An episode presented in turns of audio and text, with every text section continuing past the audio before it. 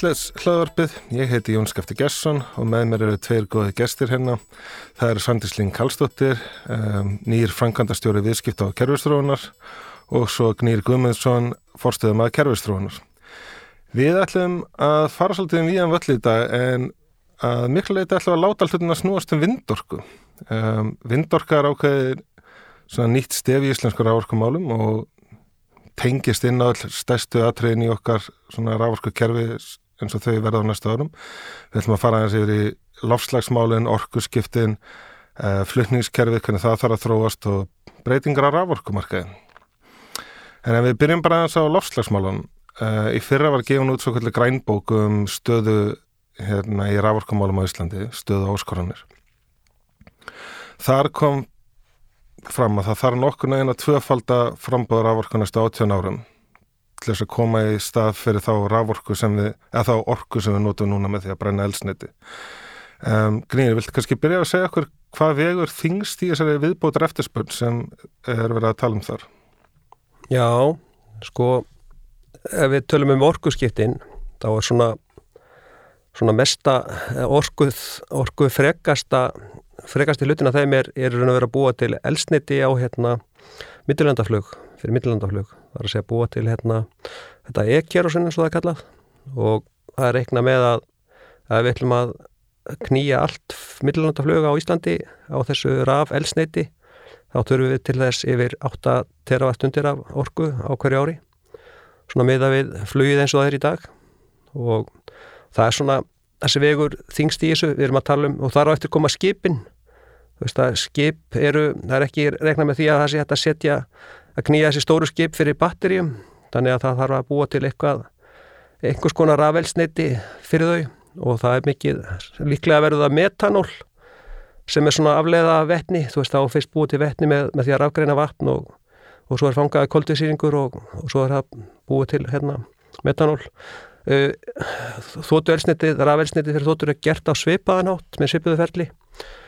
En það er bara að nota meira af ólju en saman eru þetta þessir liðir kannski, þú veist, 12 teravattstundir 12-13 af þessum 15 terawattstundum sem er talið er að orkuskiptin þurfi í heilsinni og svona sett í sam, samhengi við kerfi í dag þá eru við að búa til svona 19, eða nota svona 19 teravattstundir af rávorku, 19 til 20 þannig að þetta er svona nánast þannig að orku skiptin, þú veist, ein og sér þurfa næstu því töföldun að, að því þeirri orku það hátt í það.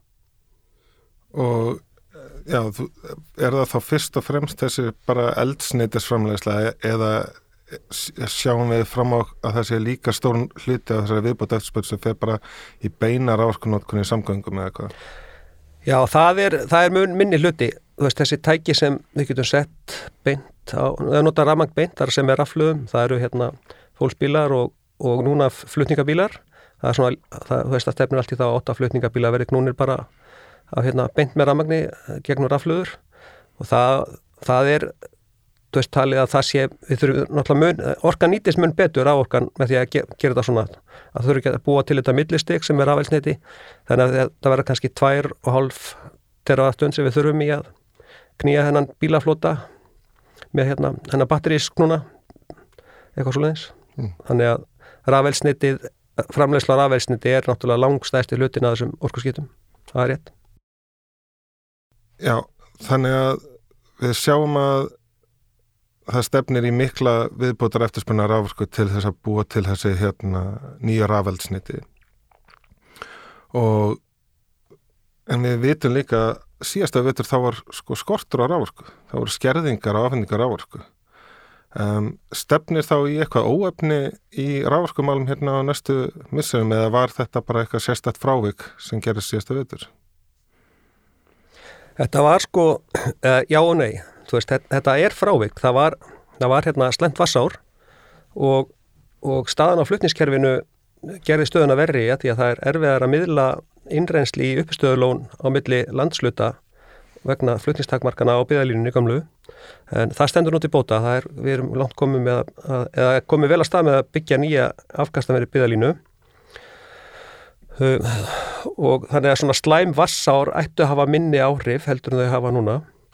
En, en engu að síður er bara mjög lík, er bara abskortur bara verða hérna viðvarandi fyrirbæri að því að eftir, orku er að aukast mjög hratt, veist, orkuskiptin eru komin á fullaferð, við erum byrjuð í hérna þessum, ork, þessum samgöngum á landi, veist, það er hérna rafbílum fjölga mjög hratt og núna er innleðing á rafvörubílum að hafinn í rauninni, það eru fyrstu bílarnir eru komin til landsins og, og það er eitthvað með þetta muni gerast mjög hratt.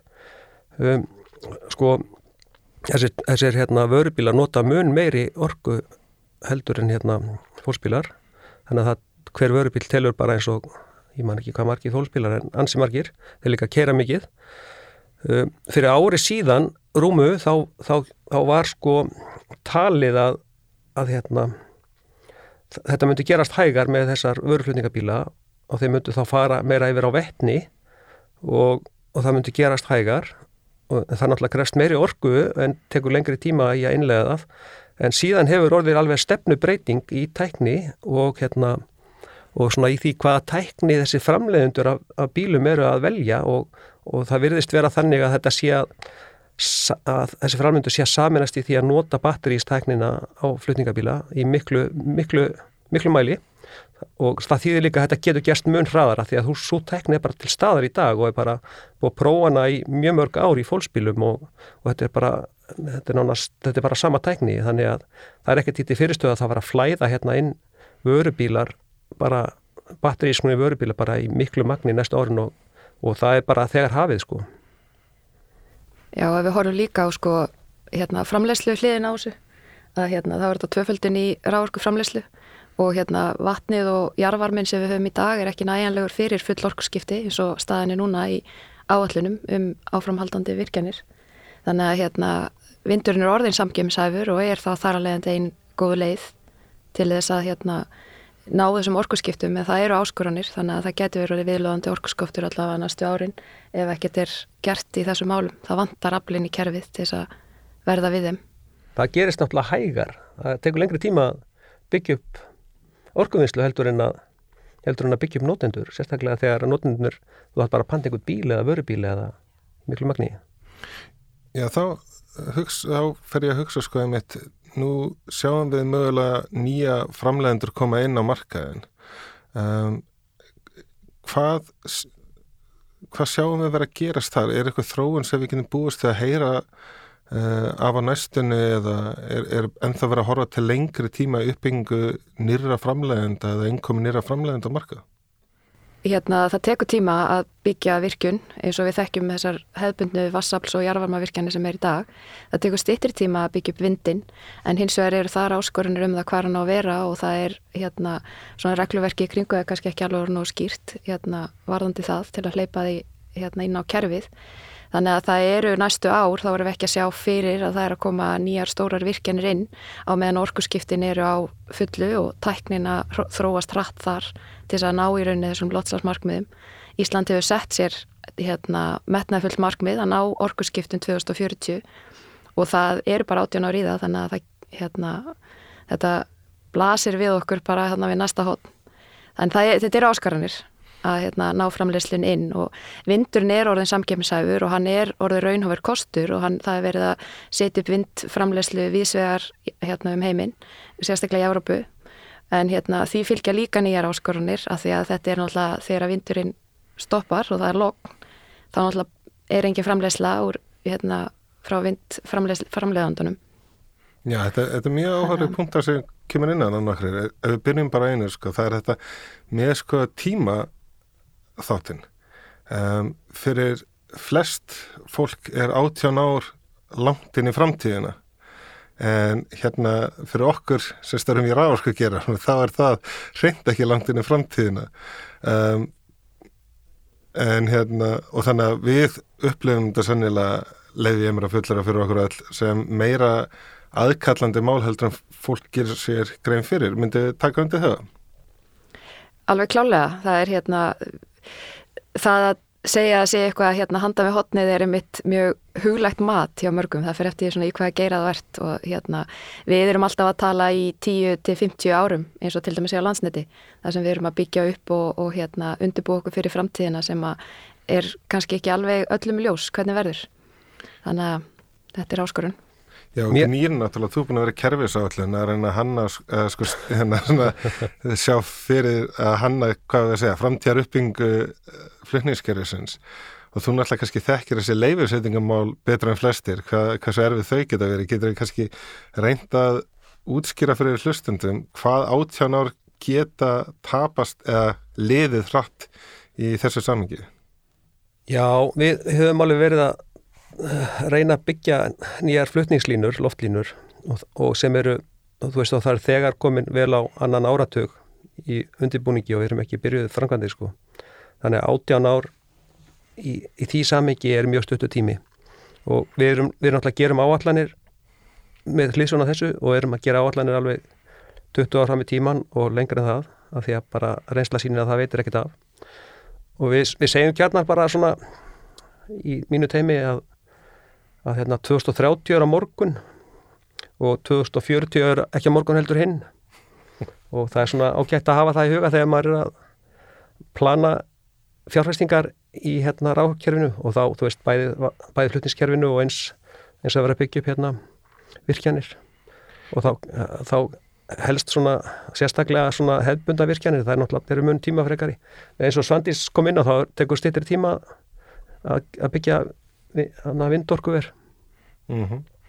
En þá kannski gæti einhvers börsu en af hverju hefist byrjið þá ekki bara á undirbúningi á öllum línunum og bara hérna, er einhver ástæð fyrir að geti ekki bara rumpaðis af á stuttum tíma þegar þið eru búin að klára leifsetningaferlin eða þarf þetta að gerast ein lína af annari? Bæði sko við, við, erum, við erum að undirbúa marga línur núna í einu alltaf og, og þú veist við getum náttúrulega ekki gert öll fengið öll leifin strax að því að leifir enn út þannig að við þurfum að eins og framkvæmta leifi gilda bara eitt ár minnum mig þannig að við, þetta þarf að gerast bara í svona nokkur réttir röð en við, við hef, getum að halveg hafið fór undibúninga framkvæmdum miklu fyrr og erum, erum að gera það í vaksandi mæli sko. Þetta er náttúrulega líka háð hérna, fjármögnun og peningum og því að varpigjöldum kostnaði að óþörfu kannski út á viðskiptafinn okkar líka þannig að þetta er svona ákveði jafnvægi sem þarf að ná þannig líka. Akkurat. En svo komum það aftur á því sem þið hafi bæði komið inn á núna, það er það að það tekur lengri tíma að byggja frambóði sko. Komum þess aftur inn á frambóðinu. Eh, hvað finnst ykkur um stöðu ramma allir? Tel, telji þið að hún sé fullnægindi? Til þess að ná orku skiptum? Já. Sko það fyrir eftir hvaða ramma áallun úr að tala um, það er náttúrulega nokkur útgáðu núna í, í gangi, það var síðast að var samþýtt á alþengi núna eftir margra ára, ára byggð Svo ein og sér stendur ekki að fulli fyrir, fyrir orkusskiptum þannig að það næstu áfangar þurfa að fara í gegn líka. Og í þeim sjáum við að það er tölvert mikið að vindi að koma þar inn. Þannig að hérna og kannski ekki næjanlegt vassafl og jarvarmi til þess að hérna, verða við þessum orkusskiptum þannig að við erum að sjá það að vindurinn verður þriðja stóðin í ráorku frambóði á Íslandi fyrir orkusskiptin svona miða við þessar áallanir og áform sem eru til staðar. Þannig að hérna, það er nú gaman að segja fyrir því að við hérna, e, gerðum greiningu á því hvað hérna, flutnisfyrirtækið ræður við af vindorku. Þannig að hérna, það er alveg 50% af heilta framleystinni sem að hérna, kerfi getur áði við Hérna átt ekki ramma áallin uppalega að vera svona lifandi, veist, að koma alltaf nýjir áfangar bara reglulega og þannig að þetta átt ekki að vera enda, eitt endilega bara veist, endanlegt. Veist, það kemur alltaf nýra áfangi þar sem koma nýjir kostir inn en, en, en þetta ferli hefur kannski hérna hyggsta svolítið sko.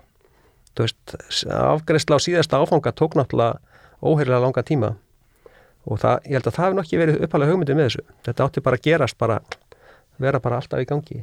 Og það er kannski mikilvægt að það sé bara þannig, verðið þannig. Já, það stóð til að þátt alltaf uppfærana með reglulega millibili en það hefur ekki gerst bara vegna pólitískrar uh, hvað maður segja uh, pólitíska ástands eða ósætti inn á alþengi það... það er kannski mikilvægt að reyna að laga það. Og ég, þú veist, kannski er það komið núna. Ég veit að, að það er það er vinsla núna að vinna í gangi við 15 áfanga ég held að verði skautað yfir fjörða áfanga. Hann, hann rann út á tíma vegna, það er ekki vegna þess að það tók svo langa tíma að afgreða þriða áfanga eða? Þannig að þetta er svona þetta er allavega ferli sem þarf að vera í lægi þú veist, það þarf alltaf ganga upp. Þú veist, ef við eigum að geta hérna, klára þetta verkefni. Já, þetta er, þetta er samspil hérna nýra framleyslu, rávorkuframleyslu þetta er uppbygging á flutnískerfinu hjá okkur og svo þróun á, á rávorkumarkaði líka sem þarf að eiga sér stað. Að við getum byggt upp framleyslu og við getum byggt upp kerfið en ef að markaðurinn er ekki hannaður rétt heldur þá er ekki þetta að nýta þessa innviði eða engin viðskipt eiga sér stað. Þannig að þetta þarf alltaf að spila, spila saman. Já, ef, ef við ætlum, þú veist eins og við, við, við þú komst inn á með að við getum verið með sko helmingin að uppsettu afli eða hérna notuðu afli hverju sinni frá vindi en það er, það er náttúrulega bara svona tæknilegt mál en það er sko fórsendan er kannski önnur, hún er það sem þú ætti að segja markaðurinn og, og er það ekki? Já, ef við förum aðeins inn á hlutverk markaðan mm. þá er kannski eitt sem mér finnst alltaf mjög áhört í því sko því hvernig við rekum rávorkakjör og það er þetta þessi nöðsin á því að hafa ávalt jafnmægi millir frambóðs eftirspurnar. Nú veitum við náttúrulega að þegar vindurum blæs þá fáum við orku frá vindmjölum en þegar það logn þá fáum við enga orku frá vindmjölum og allt þar á milli. Þannig að ekki stýru við vindinum uh, hvernig getur við þó tryggt að rávorku frambóðu mæti rávorku eftirspurnin á hverju tíma? Vilt þú byrja samtins? Hérna hefbundið eins og við þekkjum þetta í dag þá eru að eðlisínu endurlegar orkugjafar breytilegir en vindurinn enn breytilegri heldur en til dæmis vass, hérna, vassablið og jarvarminn. Þannig að það þarf að huga því að vassablið virkar ofta eins og batteri, lónin okkar er, geta verið það. Þannig að þau geta komið og hefbundið hérna, hjálpa til þegar að vindurinn blæs ekki og hérna engin framleysla þar. En hins vegar að því við erum ekki að sjá fram á að hérna, það er að koma næjanlega mikið af vassabli og jarvarma heldur inn á kerfi hjá okkur samkvæmt áallunum í rammaáallun og annar staðar að hérna, þá þarf eitthvað annað að koma á móti til þess að viðhalda þessu jafnvægi. Það er mikilvægt að heildsölumarkaðurinn taki hérna, e, að viðskiptin verði tíðari þá, eins og, flóamarkaður eins og var komið inn á vorfundunum hjá okkur hjá, hjá Elma, Katrinólku, að sama varan verður selt oftar og viðskiptin áður en raunin gerast að þau, hérna, það sýti staðar. En svo er það eins og hjá okkur í flutniskerfinu að þá þurfum við að tryggja jafnvægi þegar að nótkunna á sér stað og þá þarf að hugsa þess upp á nýtt. Og hérna það er alveg að gerast annar staðar við þurfum að virka nótendur til að hérna, taka þátt í því að annarkvört að auka nótkun eða dragur nótkun þegar að vindurinn blæs ekki til dæmis, þá er kannski frekar að dragur nótkun það er líka verið að tala um það að, að hérna, rafbílægjandur geti púla sér saman og heimilin geti jafnvel tekið þátt og hérna, styrti það eru geimslur, er svo annað.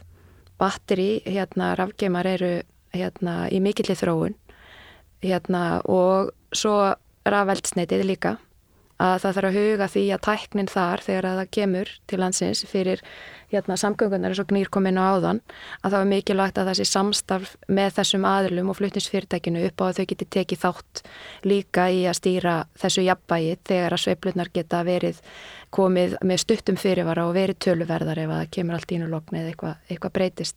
Þannig að það er þetta samspil sem þarf að eiga sér staði því að Þau eru líka að sjá það með orkuskiptunum og, og hérna hraðleðslunum og vindinum og orkunýtnin er að dragast saman. Hún verður, hún verður lagari heldur hún en er í dag. Hérna, og þá þarf að huga að því að halda henni líka góðri til þess að verði ekki byggt og mikið eða einhver svona óhagkvæmni sem kemur til staðar. Þannig að það, það, það, þetta er svona samspil sem þarf að eiga sér stað þarna hérna, og er mjög mikilvægt til þess að ná hagkvæmninni og, og hérna, rekstrinum. Það er náttúrulega veist, eins, og, eins og við þekkjum á Íslandi það er ekkert, það er mjög misjæmt veður eftir landslutum þannig að, að flutningskerfið spila líka stort hlutverk að að það er ekkert það er ekki margi dagar sem er lokna á öllu landinu í einu. Þannig að, þannig að þetta svona vindorkan regla sér svolítið sjálf líka sko. Það er að segja ef flutningsgeta á milli landsvæða er fullnægandi þannig að það eru veist það eru möguleikar þar líka. Og svo, svo, get, svo Eitt í viðbótar hans sem nefndir, þú veist að stórnótendur getur líka mögulega stýrt sinni nótkunn til þess að regla þetta, þannig að það er, það er fullt af möguleikum. Þetta er ekki bara... Já, það er sannlega fullt af möguleikum hann sem er hægt að sko hafa í rauninni heilt podcast uh, um hvert og eitt er það. En ef við spáum aðeins kannski bara í þetta hlutur stórnónda sem þið eru að tala um við byrjum þar uh, þið nefnir bæði stórnöndur að þeir geti uh, hagað nótkunnsynni eftir ástand á markaðum að hverjum tíma um, eru við þá að sjá fyrir okkur að til frambúður hafi stórnöndur breytt hlutverki í íslensku ráðarskakjöru? Alveg klálega. Við höfum verið í hérna uh, þróunarverkefnum með stórnótendum til þess að taka þátt.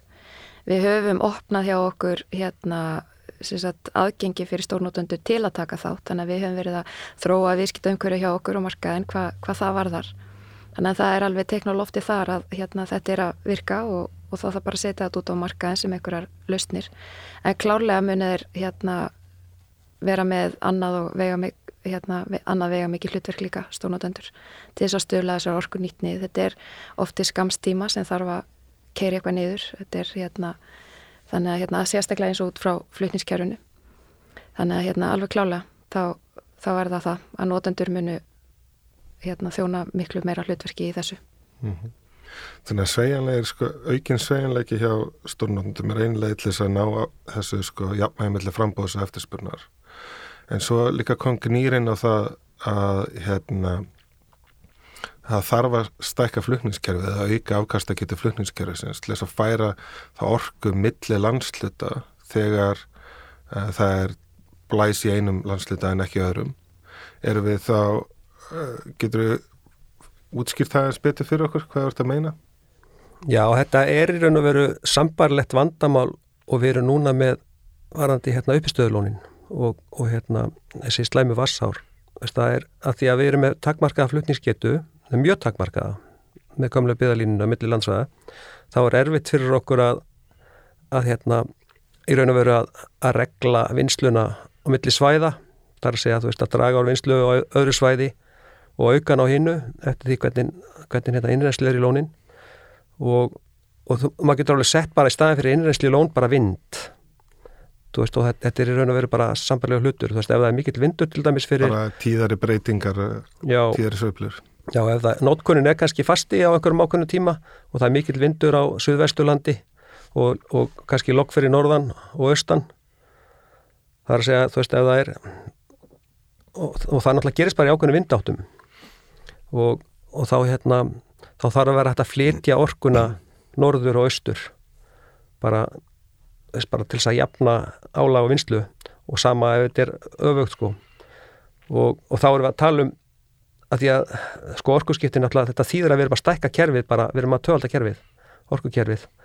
Og, og þannig að þannig að við erum í vandrarmett í dag í núverandi kerfi og við þurfum eiginlega að töfalda það til þess að hérna, til þess að geta annað þessu í dag og sem þýður að við þurfum að vera með alveg fjórfalda flutningsketu eitthvað svoleiðins til þess að geta gert regla þetta í töföldskerfi og það er einmitt það sem við erum að gera með þessari nýju byðalínu hún er sko, við erum að þegar við erum búin að tengja nýja byðalínu alla ringin, þá er það alveg fjórföld flutningsketta á við það sem við höfum í dag. Fjórföld til fimmföld. Já, það er kannski einmitt svolítið áhagverð bara svona í stuttu máli að útskýra hvað uh, flutningsgeta í svona línu vex hratt þegar við uh, stækkum eða hækkum nefnum spennusti uh, getur við útskilt bara svona mjög stuttum áli Hvern, hversu hratt það vex? Hvort það við þurfum þá reynilega fjóra línur hlið við hlið. Eða hvort það nú að gera bara eins stærri línur. Já það er sko, þú veist, aflið línunni er náttúrulega bara markvælt af, af spennu og ströym og, og það er ströymurinn sem hérna, þyktin og leiðaranum, hún takmarkar raun að vera ströyminn og með því að, töf, með því að töfalda spennuna eins og við erum að gera, við erum að fara á 130 kV kerfi uh, byðalínu upp í 220 það er náttúrulega ekki, það er hérna ekki alveg töföldun en næstu því þá náttúrulega mingar ströymurinn fyrir sama magna afli sem þýðir að við getum bara að, þú veist, flutt mun meira afla því að um, því að þú veist, ef ströymurinn er svo sami og spennan hækkar um helming þá náttúrulega töfaldast aflið og svo erum við náttúrulega að byggja þessa línu líka með sverra leiðurum heldur en núrandi línur þannig að við erum bara sem dæmi er að, að hérna, fluttning, svona hitaflutningsmörkin, það er svona veist, fræðileg getað, það er hérna, hönnuna fórsendur fyrir bjöðalínuna eins og hann er, gömlu. Þá erum við að tala um að geta flutt svona kannski 150 megawatt um einstaka línu með góðu móti á þess að hún hérna á þess að sé farið að verða hættulegt. En, en við erum að hanna nýja byggðalínu fyrir svona frá 550 megavöttum upp í 900 það er svona aðeins misamt eftir, eftir hérna línum hvað það er Og með, með svona auknu hennar aukinum flutniskyti þá fáum við vantalega miklu sveiginlega ráðskakerfi ekki satt. Jú, það er mikið rétt. Sko, það sem er sko kannski hérna, það þarf að hafa í huga við þegar maður tala um ráðskakerfið er að þau eru, þau eru ekki hönnu til þess að vera að rekin alltaf undir fullu álægi. Þú veist, er, þú veist öll ráðskakerfi eru þannig að, að þau má, maður má helst ekki lesta þau svona í vennilegur ekstri nema kannski 50% það því að, að því að ef það verður einhversta tröflun og það verða tröflanir, þú veist tröflanir er bara mjög algengar í svona kerfum. Það getur verið elding eða, eða einhver bilun tæknileg bilun einhver staðar eða vond veður og þá og það er, og við erum í, einhverja, einhverja stöðu á kerfinu og einhvern ströym í öllum línum og svo, svo fer út einn lína þá, þá breytir ströymurinn í öllum hinnum línunum og það þarf alltaf á hverju stundu, bara alltaf þarf að vera sveigurum í öðrum línum til þess að takast við bara breyttu álægi vegna bilunar. Og þetta gerist bara alltaf á einhverju sekundubróti, einhverju millisekundum þannig að, þannig að þegar við erum komið með þetta sveigurum þá, þá er sko, er skilvirkni kervisins, hún hún markvaldast sko. Og þetta á ekki bara við um hérna um bilanir, þetta náttúrulega á líka við bara um, um eitt, veist, breytingu í veðri og vindum og og hérna og fleiru. Já þannig að þetta verður í rauninni bara mikilvægt rekstraröryggir smá líka að tryggja þá afhendingaröryggir ávorku ef ég skilði rétt. Já. með því að þegar eitthvað kemur upp á óhjákvæmulega hvort sem það er elding eða veist, vindar eða eitthvað sem veldur því að lína slær út að þá getur þá restina kærunni tekið uh, skindila breytingu á sig. Já það er svona þú veist, þetta er svona aðal hönnuna fórsenda kervisins í raun og veru, það er að það er öryggið, þú veist að við getum alltaf tekið við sko þú veist, einni biluna lámarki sko á þess að, á þess að fólk bara upplifi í vita eftir ramasleysi mm. og við erum svolítið þar í dag, við erum með sko kerfi sem er, var hannað fyrir 50-60 áru síðan og, og notkunnin hefur bara 5 eða 6 faldast á því tímabili. Og, og þetta þessi, þetta öryggi sem var hannað inn í kerfi þá, það er bara ekki lengur til staðar þannig að það er þessuna sem við erum að upplifa hérna oft viðtækt ramasleysi bara víða um land við bara einfalda tröflanir og, og þetta er svona veist, þetta er svona aðal ávinningurinn að því að, að byggja nýtt kerfi, nýjan byggðalínu ring sem hérna þóli meira. Og en að því að við erum að gera það þá, þá náttúrulega hækkum við sko flutningsgetuna og erum, erum þar með að byggja inn í, inn í kerfi meiri þess meiri möguleika á skilvirkni einmitt sem bara hendar frábælega til að taka mótið þessum breytilegu orkugjöfum sem, sem vindurinn er.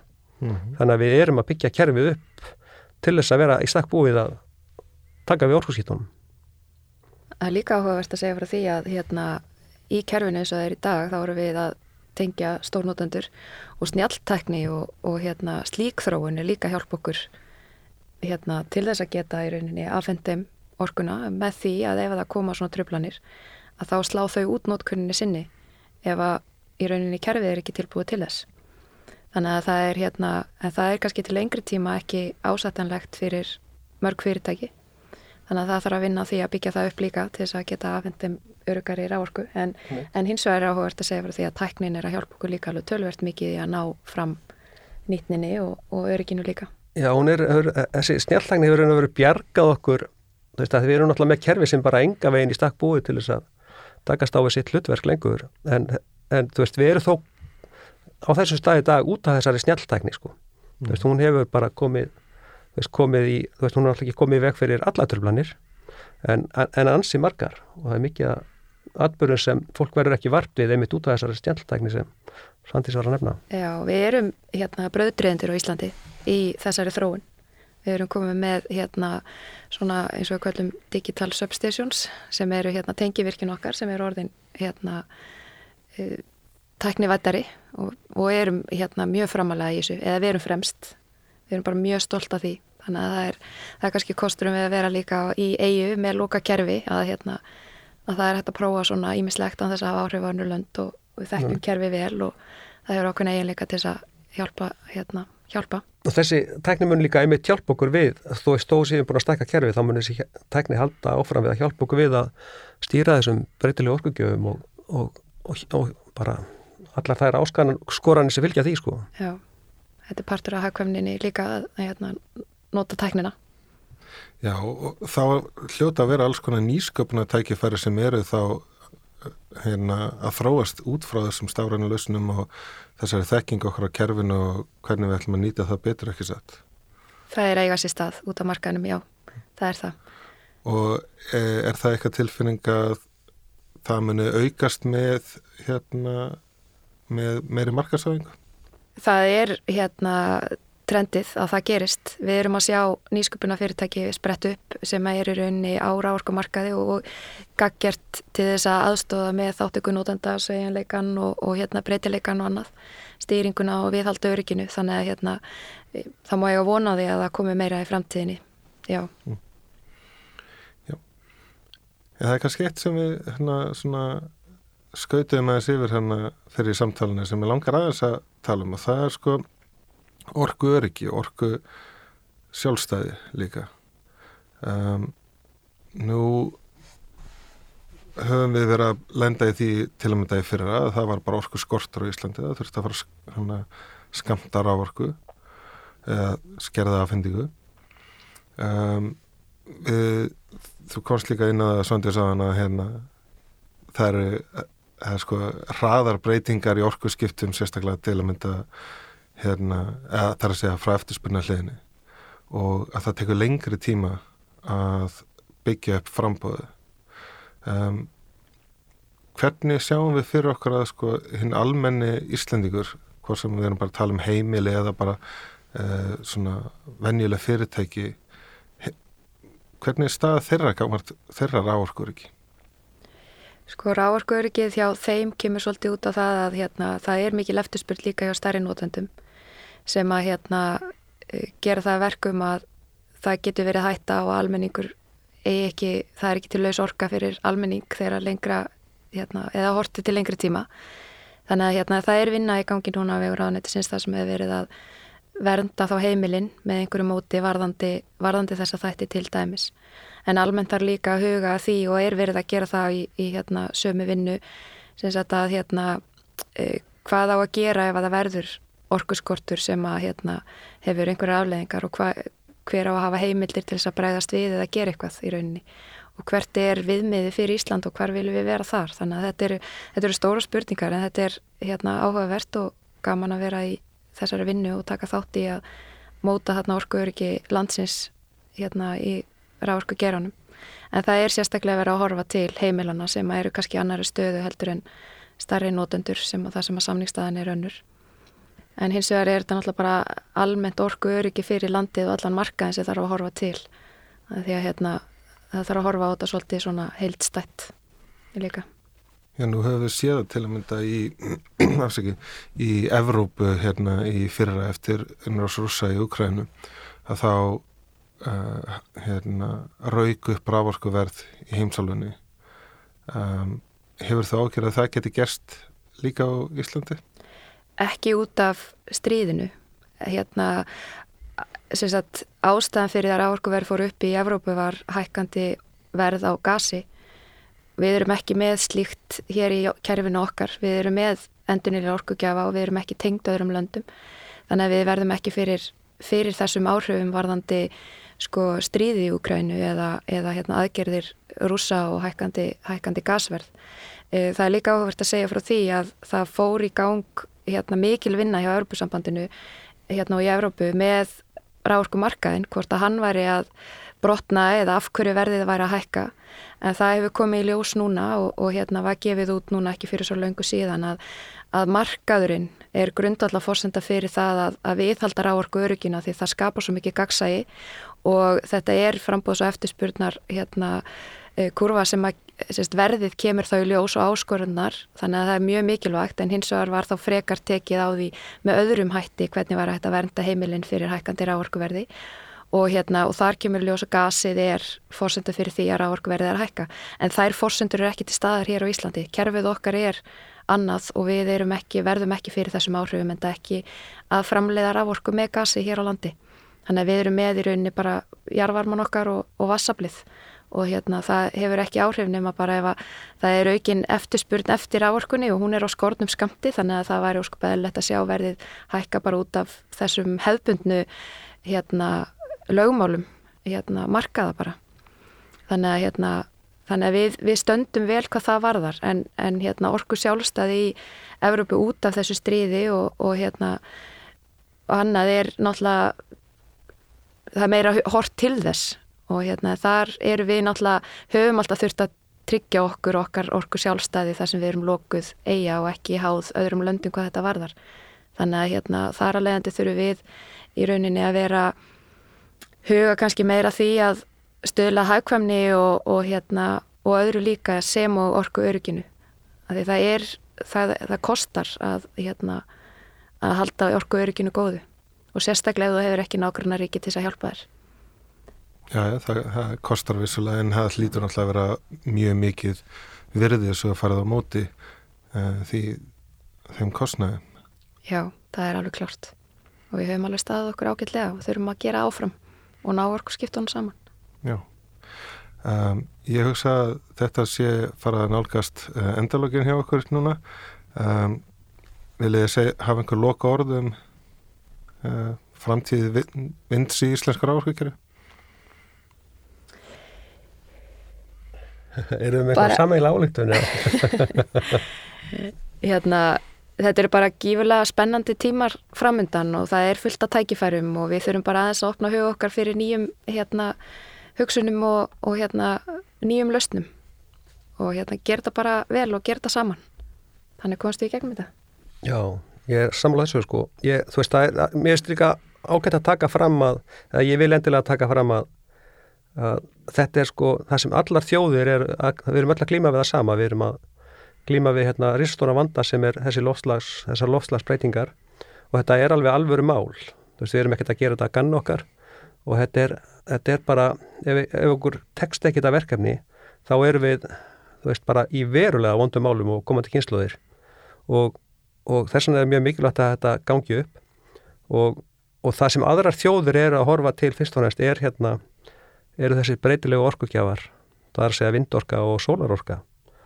Og, og það eru svona engar aðrar lausnir í rauninni í bóði svona, svona quick fix lausnir nema þessar. Þú veist að auðvitað er, er eitthvað annað svona í takmarkuðu magni að þetta er svona það sem koma skal og það er verið að gera þetta allstaðar annar staðar.